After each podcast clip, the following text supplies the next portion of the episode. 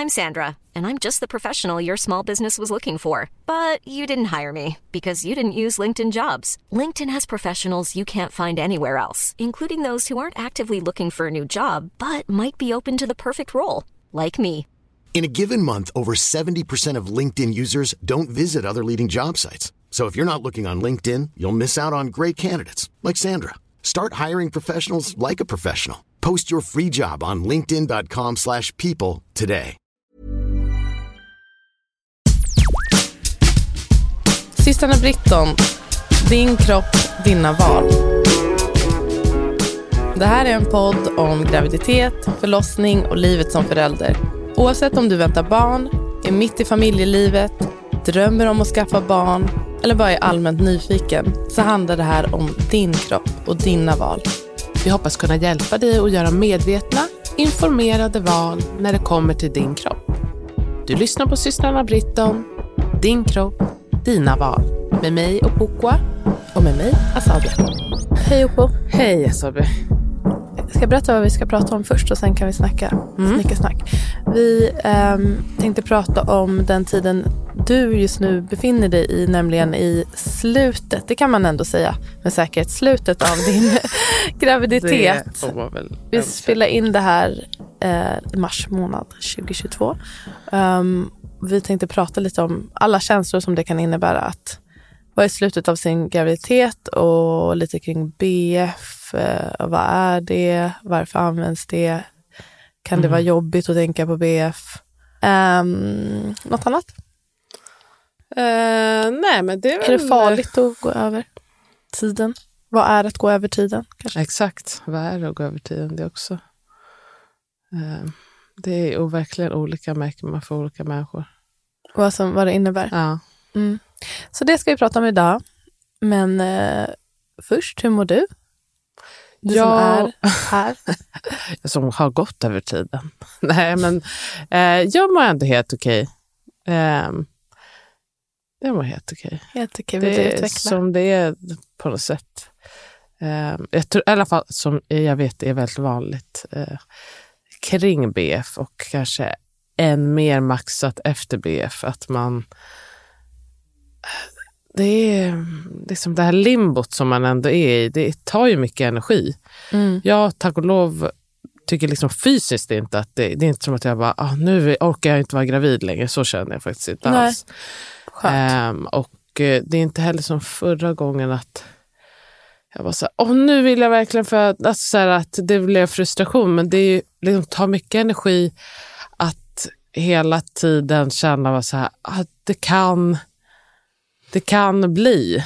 För nu är det, nu har man, folk har ju sagt det så himla länge, så här, när som helst. Men det blir, ju längre det går, Ja, ju mer exakt. blir det ju så här, ja men nu är det ju verkligen, när, alltså du Ja. närmar dig ju mer och mer ju längre fram det kommer tänker jag. Ja, och jag har ju samma sak som jag hade förra gången, att, eh, alltså att man vaknar på natten och bara, nej, okej, det blev inte i natt. Ja, ja, vi får se hur det blir. och kan inte göra några planer. Nej, precis. Då jag, min tvättmaskin gick ju sönder. Det är också väldigt tråkigt. Eh, Ska du börja gråta? nej, jag ska inte börja gråta. Och det, är tråkig utgift också. Det himla- Det var väldigt bökigt när den gick sönder. Men då också så här, boka installation. Så bara, jag kan ju boka installation då den tredje, men ja, kanske jag håller på och föder då. Vad händer om den där killen från Bring kommer Han får vara med. med mitt i? Kul upplevelse för honom. Det är, så här, för att det, det är mycket som jag måste skriva ner att så här, det här måste jag avboka ifall det sker. Samtidigt som också det är väldigt tråkigt att stryka dem när man bara, nej, det behövdes inte avbokas. Okej, ja men eh, då, jag hinner med allt möjligt. Okej, perfekt. Jag upplever att du ändå lever på lite som vanligt och det tyckte jag var ganska inspirerande just att man gör planer. För du, till exempel att du bodde på hotell häromdagen och att det kändes liksom ganska modigt eller vad man ska säga. Då kändes det som att men du go with the flow, du lever på som vanligt. Eh, ja, du kanske sett, kommer igång där på hotellet och då tänkte jag också på typiskt, kanske skulle vara typiskt dig att du kommer igång där och att du bara ändå "Äh, jag vill vara själv. Jag ringer ingen. Jag tänkte Att det kommer igång va? bara för du får vara i din stilla vrå. Jag faktiskt tänkte den tanken. Det var också att jag, då vaknade jag också på natten och bara, oh, nu gör det ont i ryggen. Okej. Och sen jag bara, men jag kan ju också bara prova och flytta på mig. Och det gjorde jag och då gick det över. Men då hade jag ändå tänkt en sekund, va, ja, jag är ju ändå här. Det är ju behagligt. Vad tror du hade gjort då? Alltså, du, tror jag du hade att... fått en... Andy hade ju blivit jätteledsen om jag inte hade hört av mig. Fan. Hem med bebisen.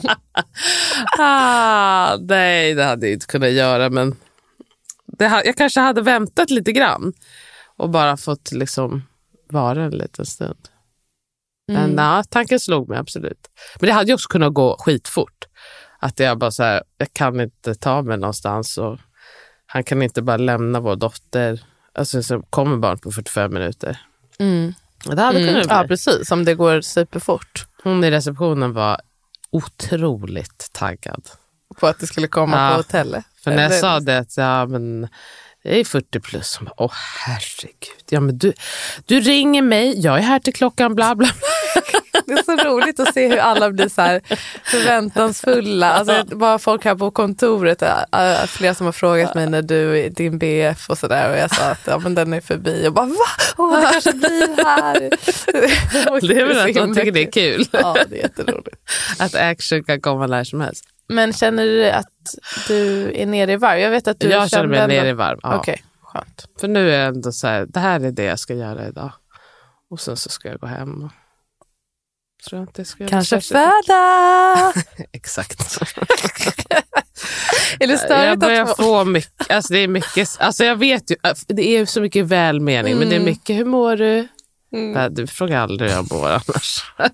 Men det är ändå, de vill Hur känns det i magen? taktiska. De vill inte fråga så här, har du fött? För det har man hört att det, det inte. Det här, vi kanske kommer, eller vi kan ta, prata om det nu, men det här kan ju vara en sån där grej som man, en anledning till att jag och du, tror jag, jag sa det för dig Mm. lite, men att vi, man inte har gått ut med eh, BF. Absolut. För att jag, man kan eh, i sig själv bli liksom ganska upphängd på det här datumet och känna sig lite stressad och alltså, pressad. Att, att jag känner verkligen att jag har gått över nu, att det är någonting, ja men jag är liksom överbakad, snart kommer jag bli en bränd bulle. Mm.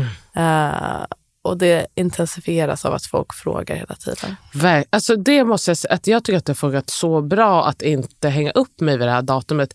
Det som jag däremot märker nu eh, är att jag inte hänger upp mig men att jag börjar tänka mycket mer på 42 plus 0. Att Vad det är då? någonting som jag tänker på.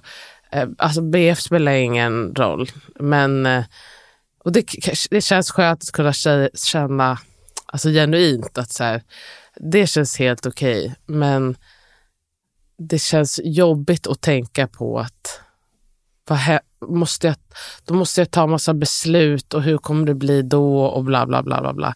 Så det, känns, eh, det kan kännas tufft att tänka på faktiskt. ibland. Men sen så tänker jag också så här, ja men vet du vad, min dotter, det var inte, hon var inte alls på väg vid det här laget. Nej. Så.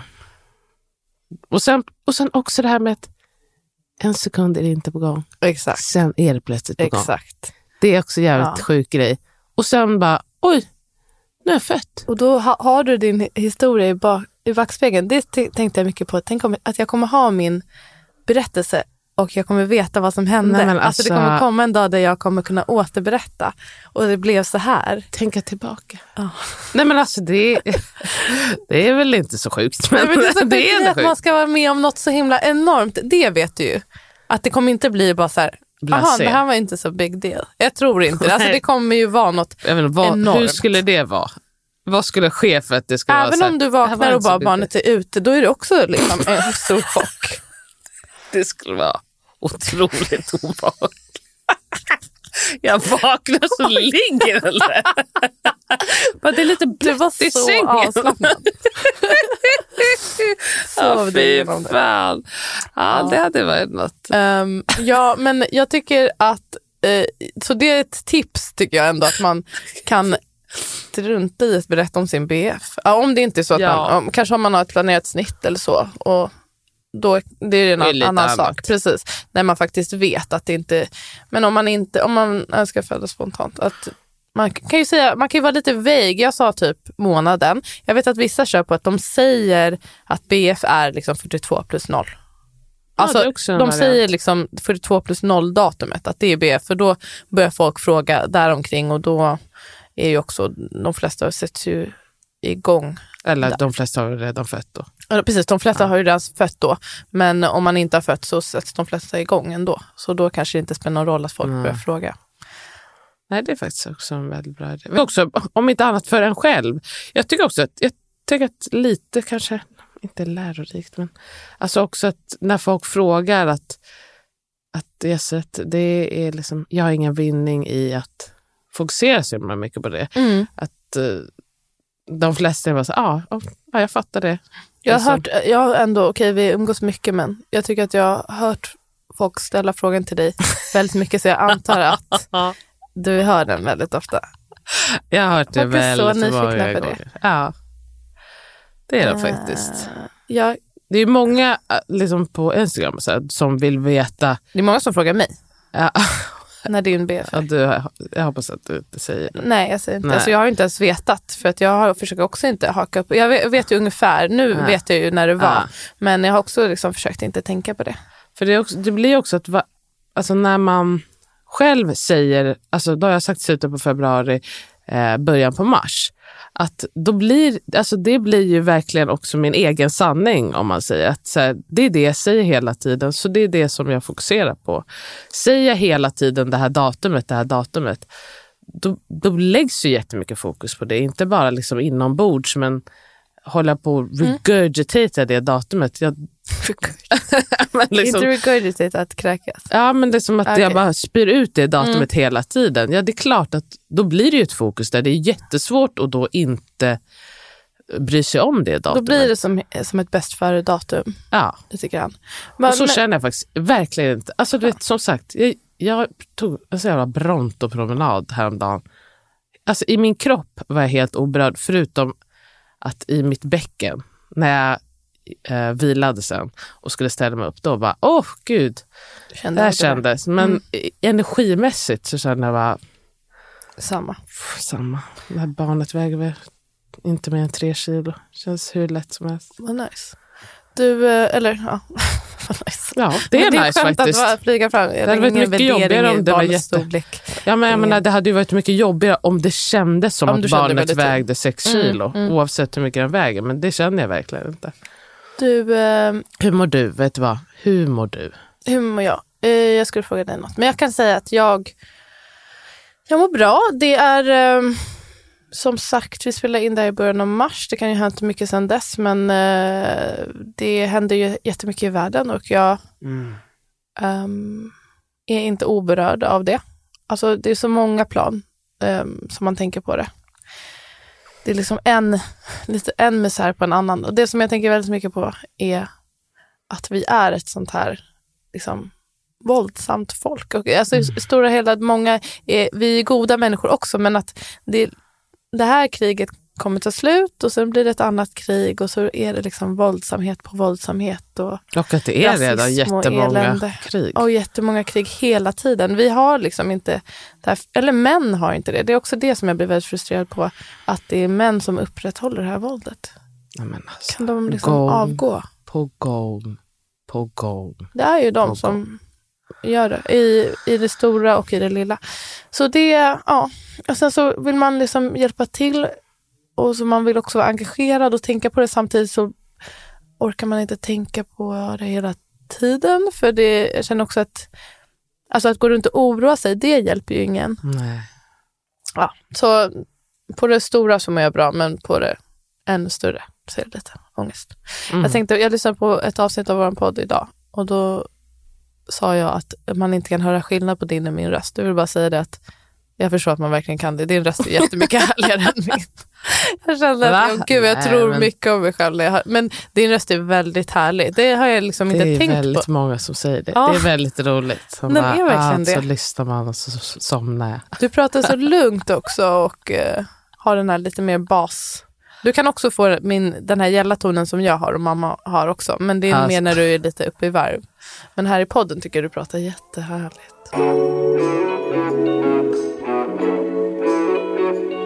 Jag jobbade igår på sjukhus. Ja, du var så fin. Jag tänkte på det. Gud Ja, vad härligt för patienterna. Jag hade ju tyvärr munskydd hela tiden. Så tråkigt. De vill, alltså, vill verkligen inte att man ska se snygg ut. Men du hade kanske eyeliner? Nej, men nästa gång ska jag faktiskt Ja, foka på ögonen. jag. Jag tänkte inte på det, det var rookie mistake. Men jag hade ju hår och eh, eh, örhängen. Jag hade hår. Ör, Ja, örhängen. Men eller, så jag tyckte mitt hår var lite tjusigt och sen Ja. hade jag ändå örhängen. Så jag, man försöker. Vi har ju bara fokat på att skriva vår bok nu ett tag. Och så mysigt att mysa med bebisar och hjälpa till liksom hands-on med amning och vad det nu är. Det var Kul. jättetrevligt. Det är Kul jag att jobba faktiskt. Ja, jag, blev helt, jag var jättelycklig när jag var där. Jag blev sugen på mer. Jag ska jobba mer, så det är jättemysigt.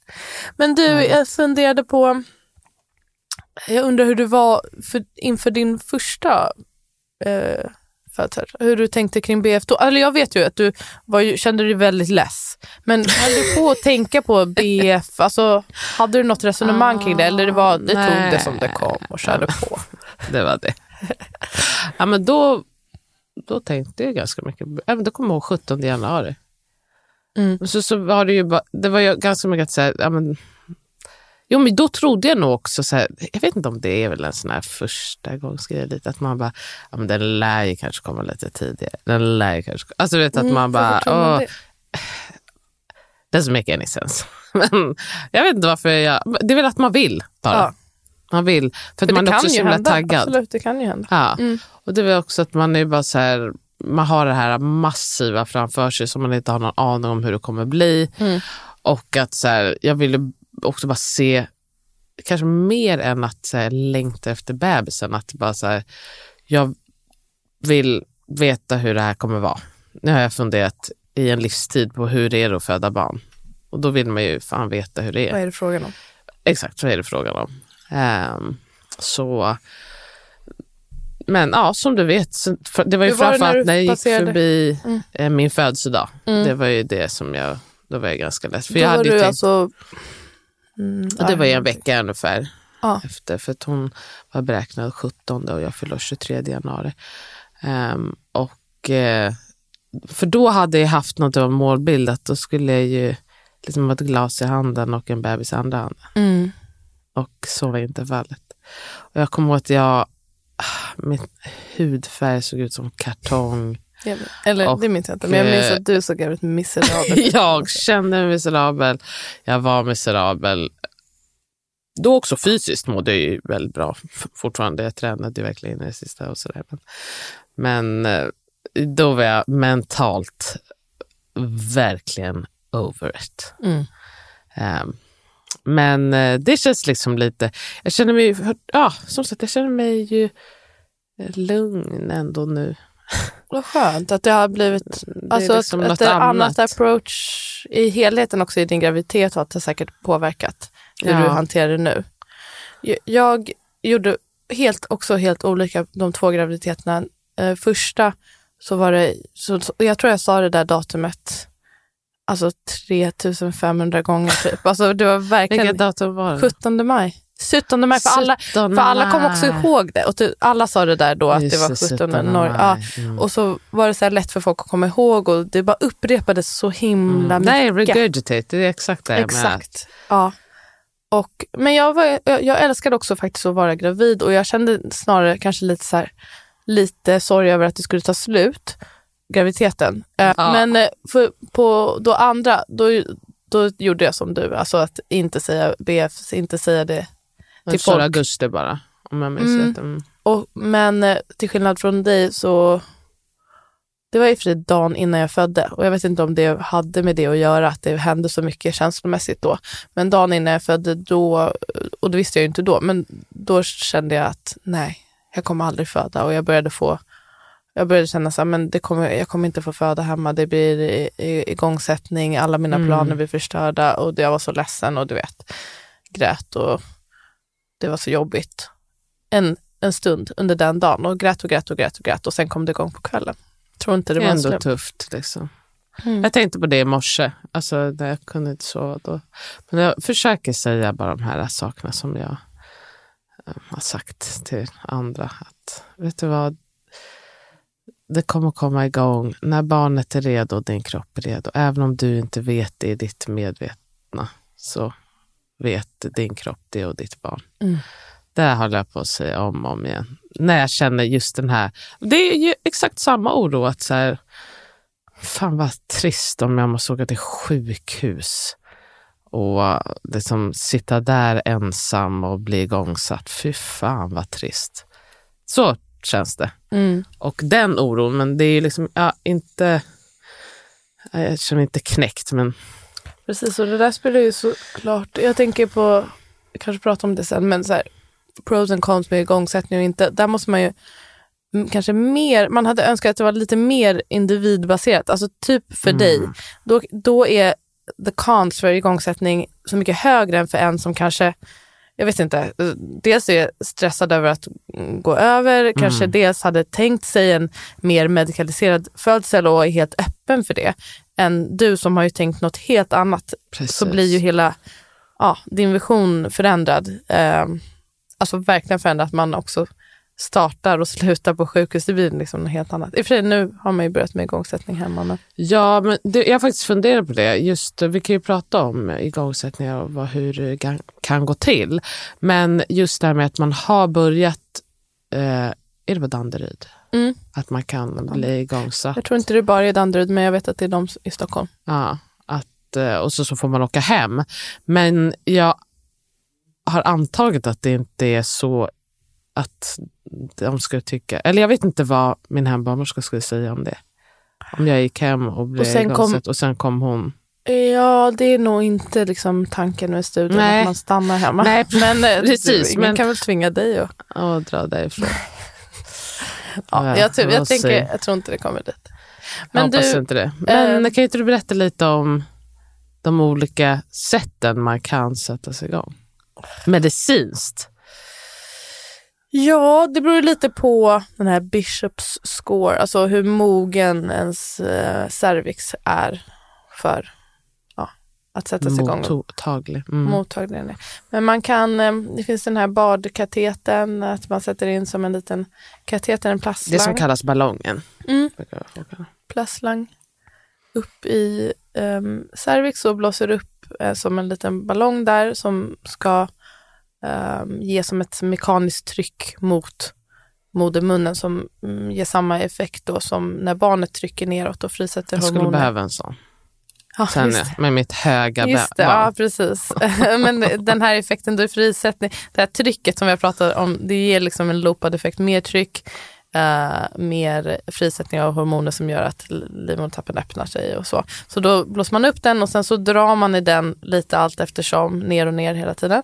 Tills eh, man är öppen 3-4 centimeter så trillar den ut och då kanske det har kommit igång av sig själv eller så tar man hål på eh, hinnorna.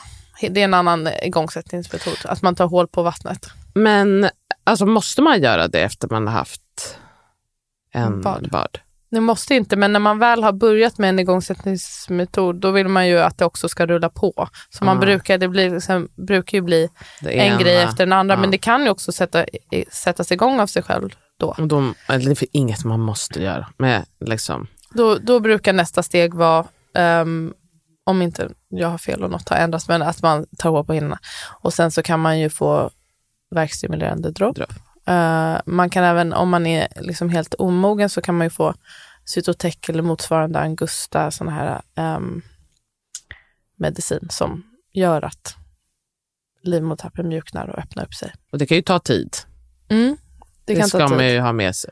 Absolut, och det kan också rassla till jävligt fort och gå undan. Ja, men, för Från det är verkligen så här mm. med allting, men att det kan gå på olika inte sätt. att alla är olika. Ja, alla är olika. Men det är ju en, absolut en faktor att om man är helt omogen, kanske man aldrig fött barn tidigare, eh, att det kan ta, liksom, därför man har börjat med den här, eh, att göra det hemma. Det kan ju ta ett dygn innan, Mm. alltså det händer ingenting. Alltså man känner ingenting. In, och så att då blir det väldigt lång tid på sjukhus och också såklart eh, större risk eller chans för att man gör andra interventioner för att hjälpa Så tänker jag också bara mentalt att det kan vara så himla tufft.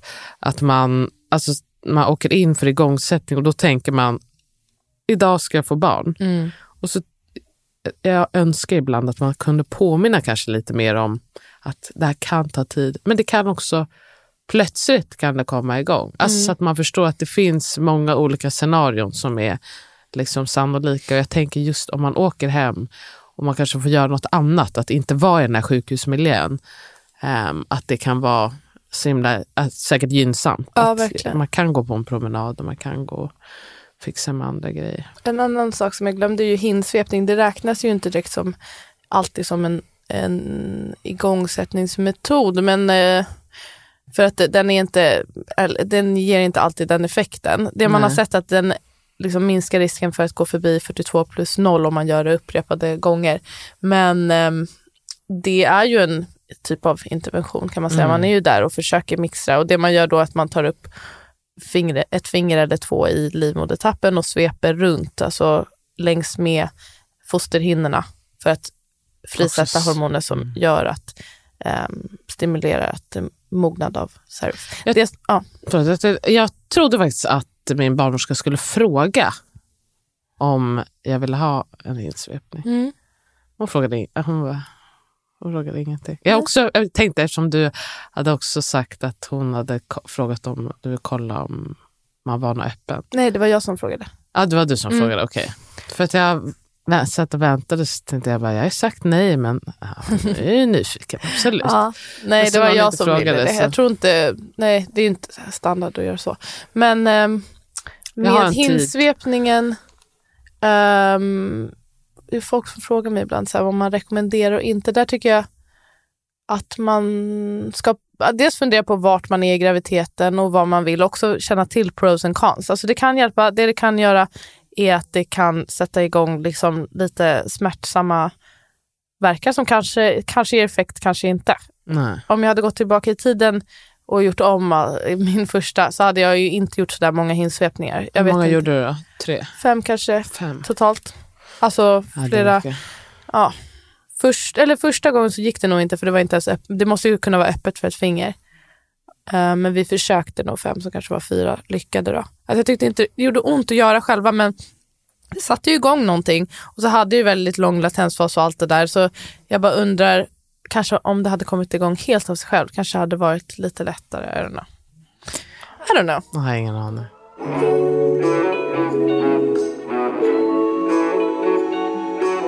Men du, jag vill säga något om eh, BF och det här. Alltså vad är det? Är det en science? Vet du det? Det känns som att jag höll på, att säga ingenting med är science. That's a lie.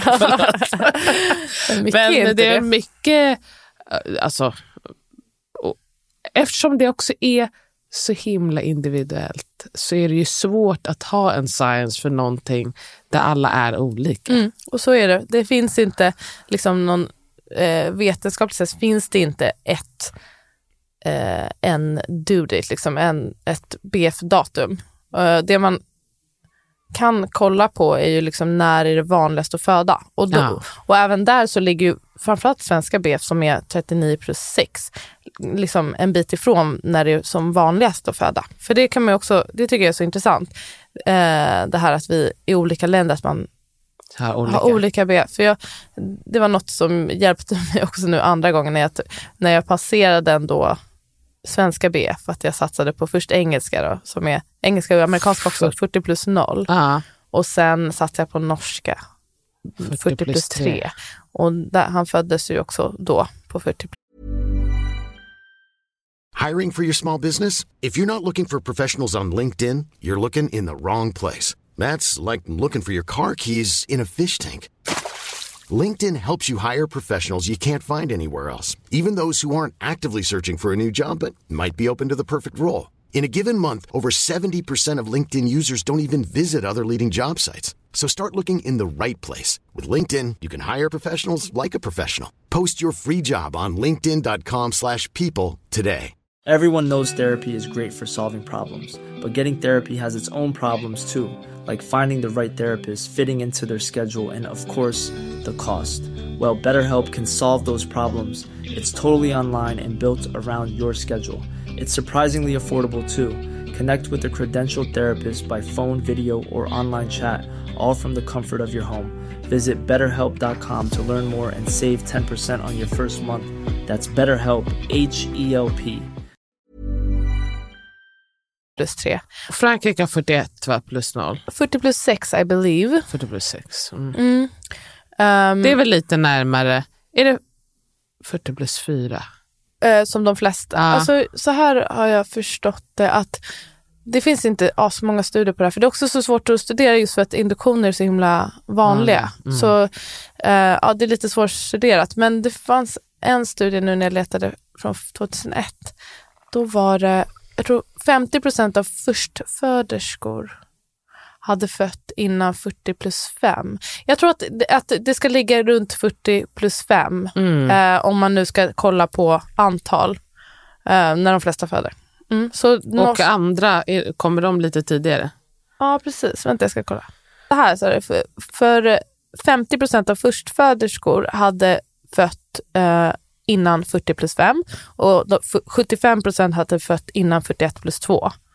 Alltså, så majoriteten hade fött innan dess. Ja, det var inte jag ändå. För jag hade 41 plus 3. Mm. Eh, och för omföderskor så gällde att 50 procent hade fött innan 40 plus 3 och 75 innan 41 plus 0. Alltså, f- f- De, hur många 50 procent? procent hade fött innan 40 plus 3, innan norska BF. Mm. och 75 procent innan 41 plus 0. 41 plus 0. Ja. Ehm, så det är lite, precis, det finns ju lite olika vad ska man säga, riskfaktorer för att gå över 42 plus 0. En av dem är um, att man är förstföderska bland annat. Men faktiskt det som man har sett är det, det man ska kanske titta mest på är hereditet, alltså ens family history, ens systrar, ens mamma. Om ens mamma har gått över 42 plus 0, då är det en, liksom en ganska... Mamma gick över med mig i alla fall. Mm. Men inte med, jag vet inte med dig och Men det, blir- Bettan. Bettan är lite mindre, för pappans historik spelar också in. Också, också när man räknar ut, du vet, räknar ut det här datumet. Dels kan man ju kolla från mensen. Bla, bla, bla. Ja. Och då, den är ju helt alltså, hittepå. Alltså den är ju så förlegad. Eh, sen nu kollar man ju mer på ultraljud, men det här första datumet det baseras ju delvis på, på en, en mens som är för 28, en cykel som är 28 Ah. dagar. Och då Och förutsätter man att allas. ägglossning har skett dag 14.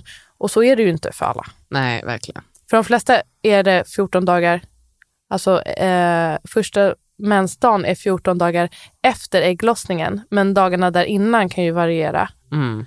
Eh, stort. Så det är inte, it's not a science. Men ultraljud är hyfsat accurate. Ja, ja, ibland. Va? ja. Eh, Jag tycker vi kan prata lite om vad heter det, så, naturliga, naturliga, ska man säga det, icke-medicinska eh, sätt att komma igång. Jag har ju pratat mycket om, alltså gud, jag är så trött på dadlar nu. Jag känner bara jag kommer aldrig äta en fucking daddel i mitt liv. mm, Um, dadlar, men det har vi pratat om för att mjukna, men också hallonbladste, för att, det ska man ju ta då, sägs att det ska stärka livmoderns muskler väl, mer eller mindre. Kan jag inte påstå det, jag tyckte jag känt. Dricker hallonbladste.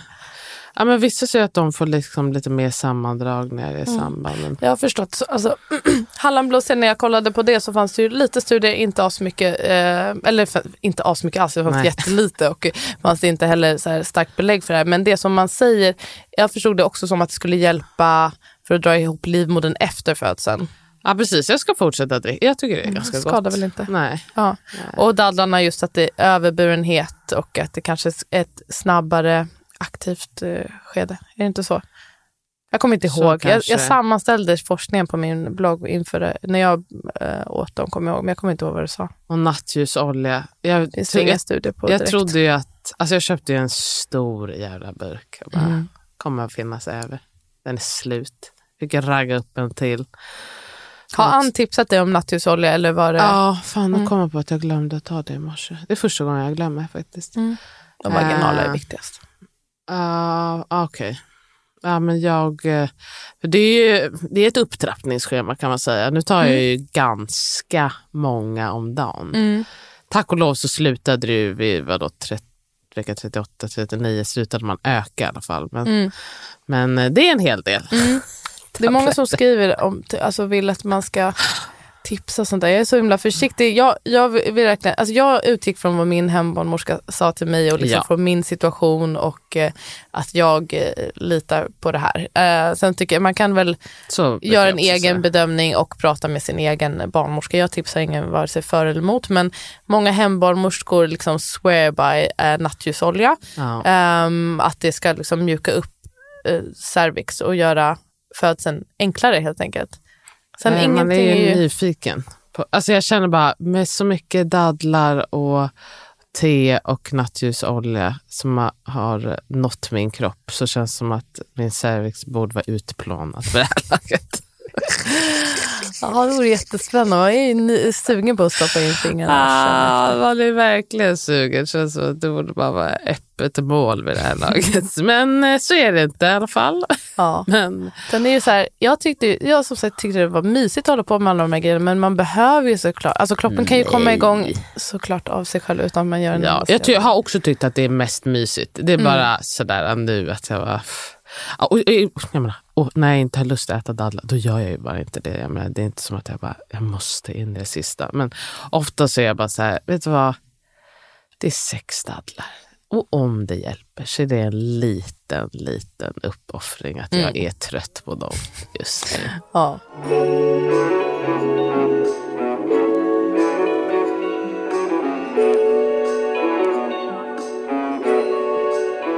En annan sån naturlig grej som kan, vi har pratat om det förut, men alltså mm, sex, det, alltså samlag med spermier med utlösning, Ja. att man alltså att det kan Jag eventuellt att det är med Så speciellt. Mm. Men också jag tänker så alltså, mm, det här med njutning och sex Det i den bemärkelsen eller med sig själv eller hur man gör det. Um, logiskt sett bör ge avslappning och tycker jag känns oxytocinfrisättning. Och även ah, allt det här har ju- det, det ska ju vara att man, kroppen själv är redo och mogen. Alltså, man, det är väldigt svårt att kicka igång en födsel som inte är liksom redo att kickas igång. Det Nej. går med liksom lite mediciner och sånt, men som sagt det kan också ta lång tid. Så eh, det är inte så att man behöver Det är vara inte som att man startar igång då. Nej, Nej. precis. Det är mer att man kanske puttar på det lite och ger bra förutsättningar. Som eh, med att jag ammade. Då, då, när jag ammade Lalo där, när jag hade börjat få så här lite känningar, då var det verkligen då det drog igång rejält. Och det, jag kände ju verkligen att det här är ju, eh, det var det som gjorde det, liksom, tippade det över kanten. Mm. Men som du säger, att då är ju kroppen redan... För jag vet, det är några som har skrivit och bara så här, ah, liksom, nej men jag vill inte forcera någonting så då vill inte jag... Då brukar jag säga exakt samma sak. Alltså min kropp kommer inte göra någon, alltså det är inte hallonbladsteet som kommer göra att födseln kommer igång. Nej, och du behöver inte göra någonting som ni inte, alltså om inte ni vill göra någonting. gör inte det. Absolut inte. Nej. Det, och ja, men det är inte som att jag tar Cytoteca on the daily. Alltså, men det är inte riktigt samma, samma sak. Nej. Jag tänker också att det spelar ju roll just vad du som sagt önskar för födelse. Så tänkte jag i alla fall att jag vill ju optimera mina chanser att eh, få, eller vad man ska säga, jag får ju föda hemma liksom, oavsett, men att det ska vara bra förutsättningar för det Exakt. och öka chansen att jag inte blir rekommenderad något annat. Exakt så. Mm. Det är, det är faktiskt, det här, skulle, alltså skulle det ändå ha blivit, hade jag haft planeten sjukhusfödsel, då hade jag kanske inte haft samma, um, mo, alltså det hade inte varit samma morot, liksom att eh, inte gå över 42 plus 0. Eh, eller också att så här, ah, ja men som du säger, man vill ju att det ska bli så, ha så goda förutsättningar som möjligt för att det ska bli så bra som möjligt.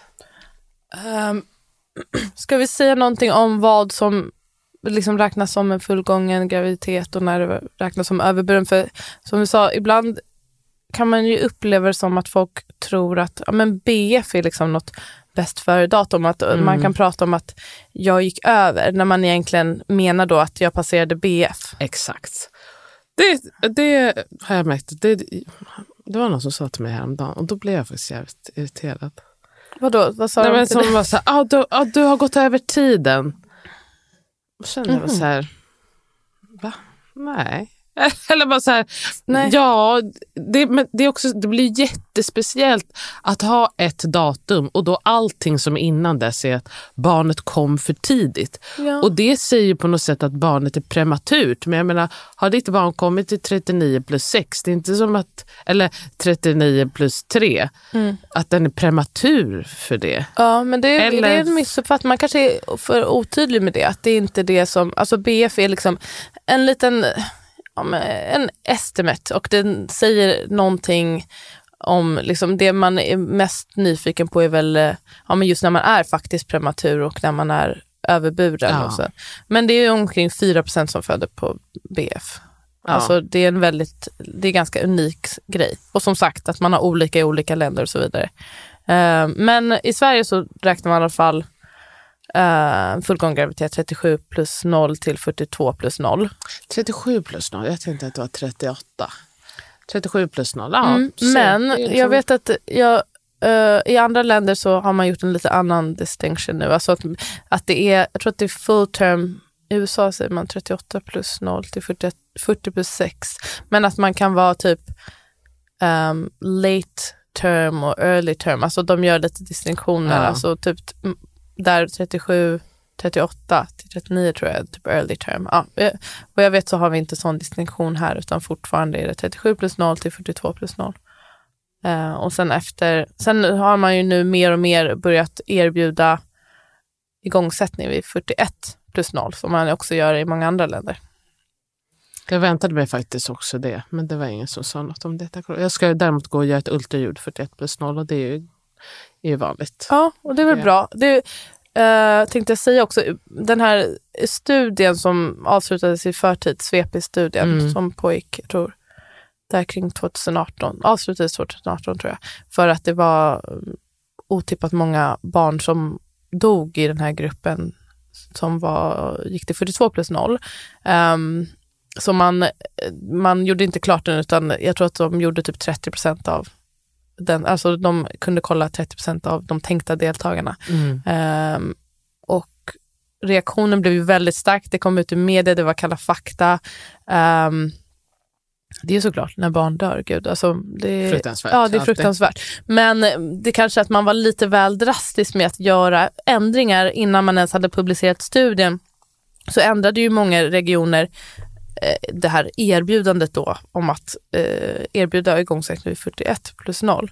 Och en intressant grej var att ingen, ehm, ingen av de här barnen som dog ingick i Stockholmsgruppen där man just har den här rutinen att man kollar innan man blir intagen i studien att man kollar ultraljud i 41 plus 0 för att se om man har andra riskfaktorer för ehm, om det är säkert att, att gå.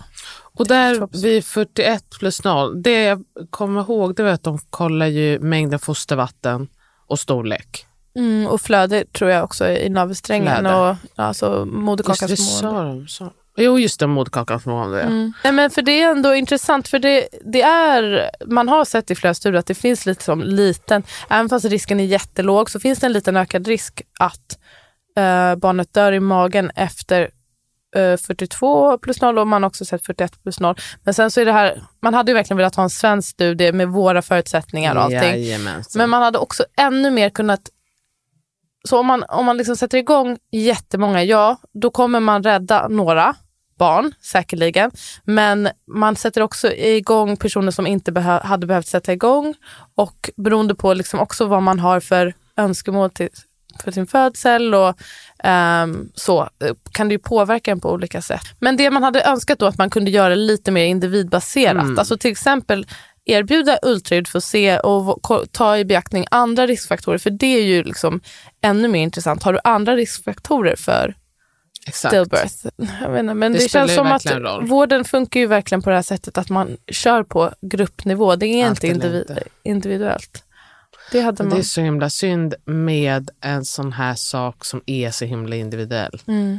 Alltså, jag menar, det också att den är dubbel individuell om man säger. Alltså, det är ju både den som ska föda gör ju det på sitt sätt men också den som ska födas är också en helt ny person. Så jag Mm. menar, det är två unika varelser som ska gå igenom någonting. I det här fallet att det är så himla så himla unikt. Och det Precis. blir så himla lätt att liksom, dra med folk som inte behöver dras med. Och att man också, jag tycker att på ett, självklart så är det barnets liv och den som ska födas, alltså den födandes liv som spelar störst roll.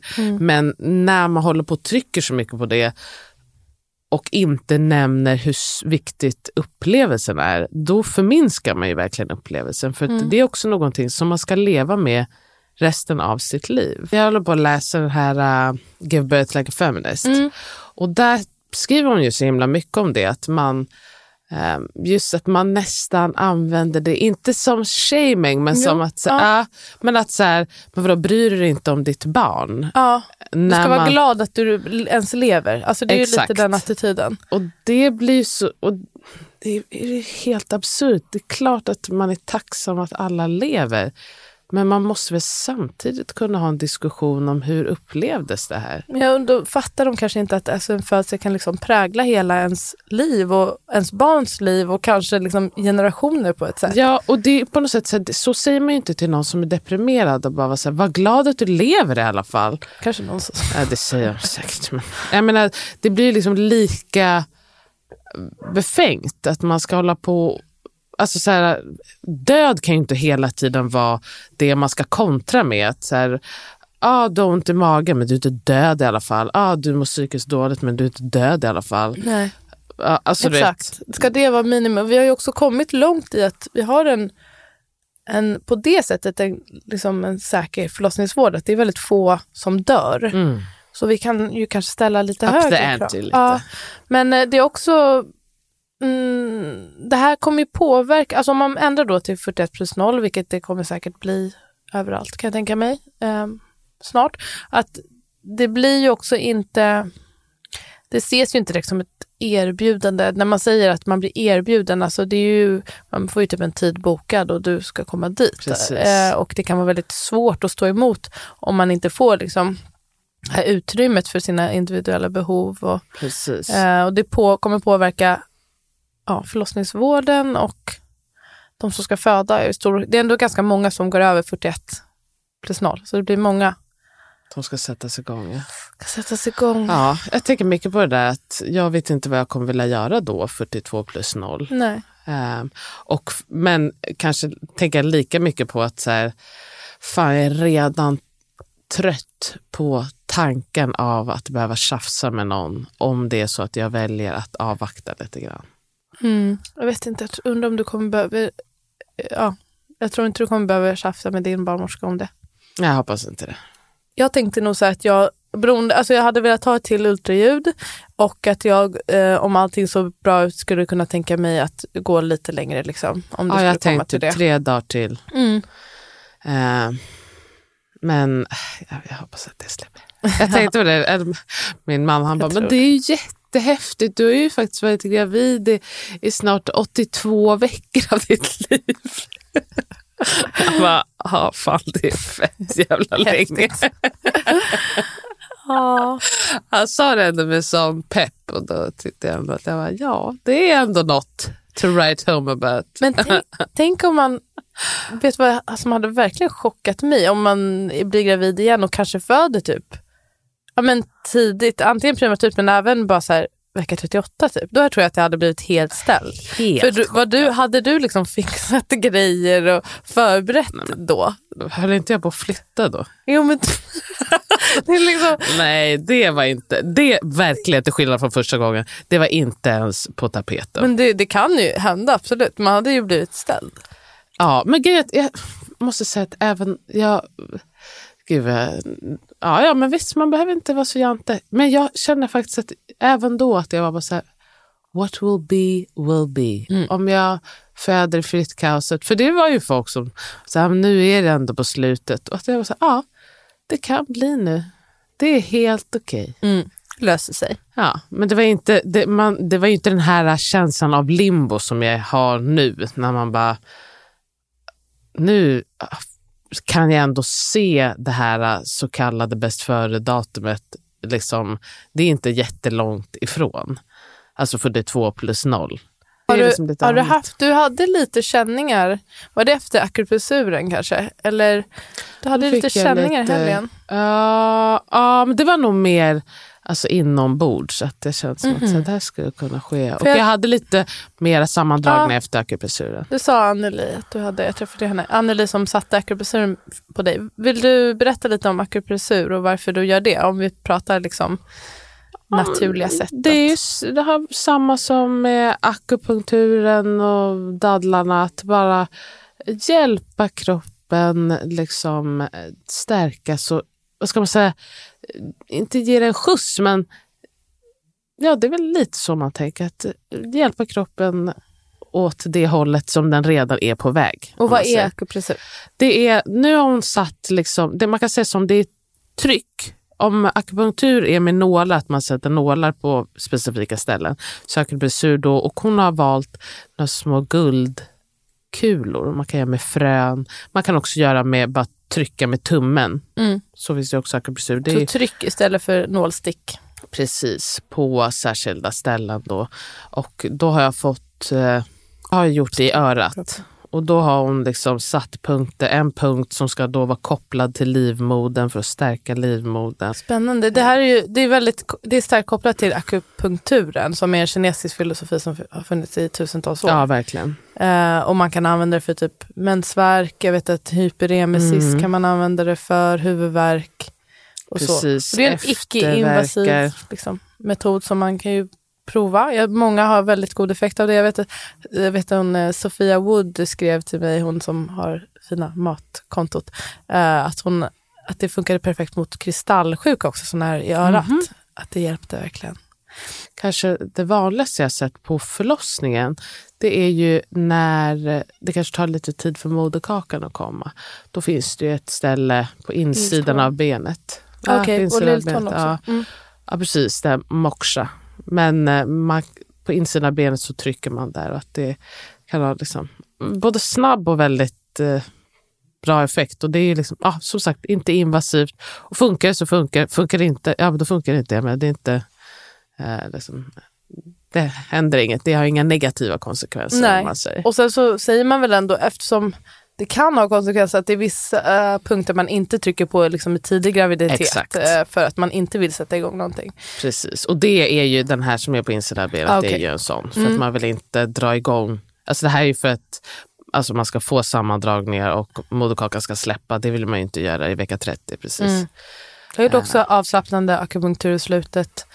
Alltså förlossningsförberedande heter det, men jag, jag kände att syftet var mycket att jag skulle slappna av liksom, och komma i rätt mode. Och det var härligt på många sätt. Också ett- en till så här mysig pysselgrej man gör för sig själv.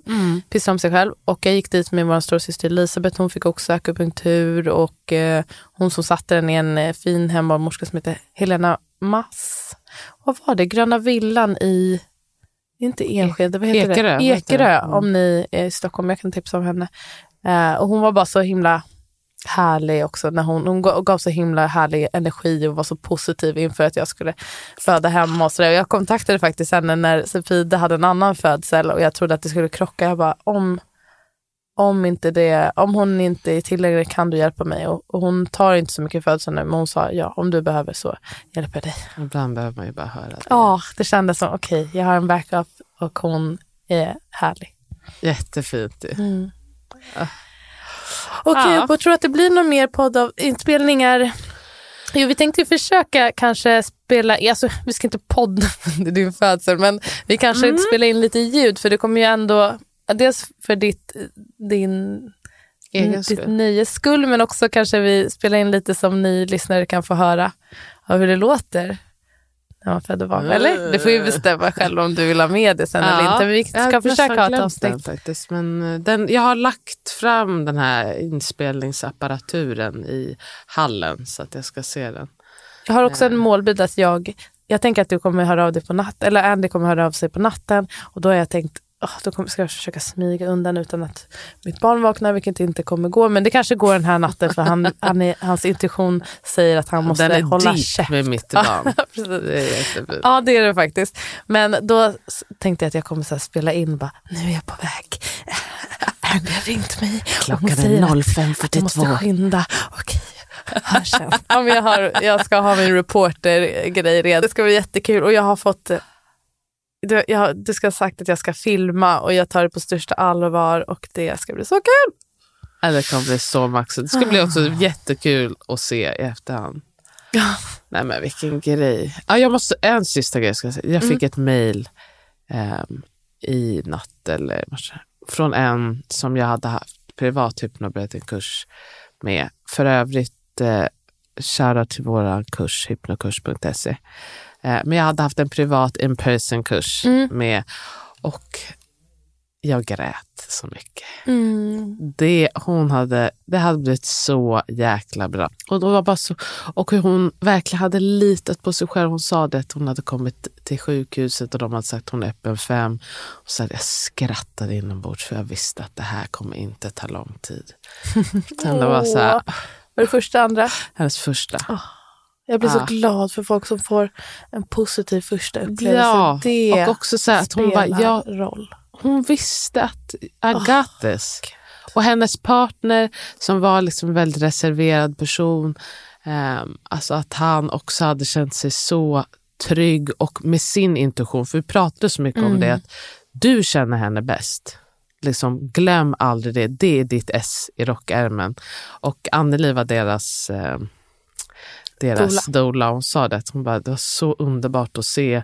För att han kunde se och säga till henne att så här, nu, nu ska vi göra så här. För jag ser på dig hur du andas och så här. Det är det här, alltså, vi har ju en, en digital um, kurs som är inspirerad av hypnobranding, som sagt hypnokurs.se. Och nu börjar det ju trilla in liksom, titt som tätt folk som har fött och använt sig av kursen. Och det tycker jag många säger just det här med hur viktigt det var för partnern att att de ble, partnern var så lyhörd och kunde Mm. verkligen hjälpa till och vara ett fantastiskt stöd. Och det känns svinkul Det är så kul. att kunna bidra till. vilket verktyg! Alltså Mm. att inte, alltså för den som eh, föder, men också så här, att få vara bredvid och inte känna sig som ett bihang.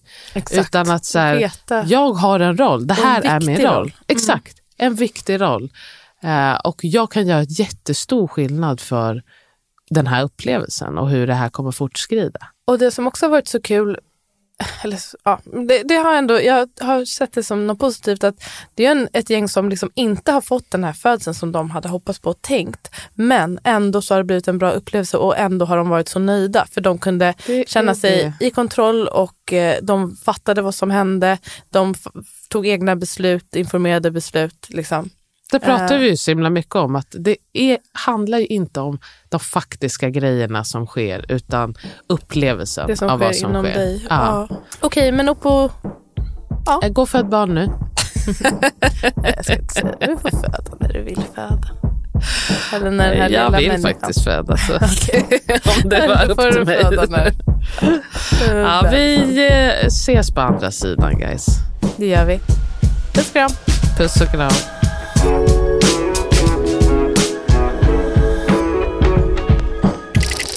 Du har lyssnat på en podcast producerad av Ami och Fanna Produktion.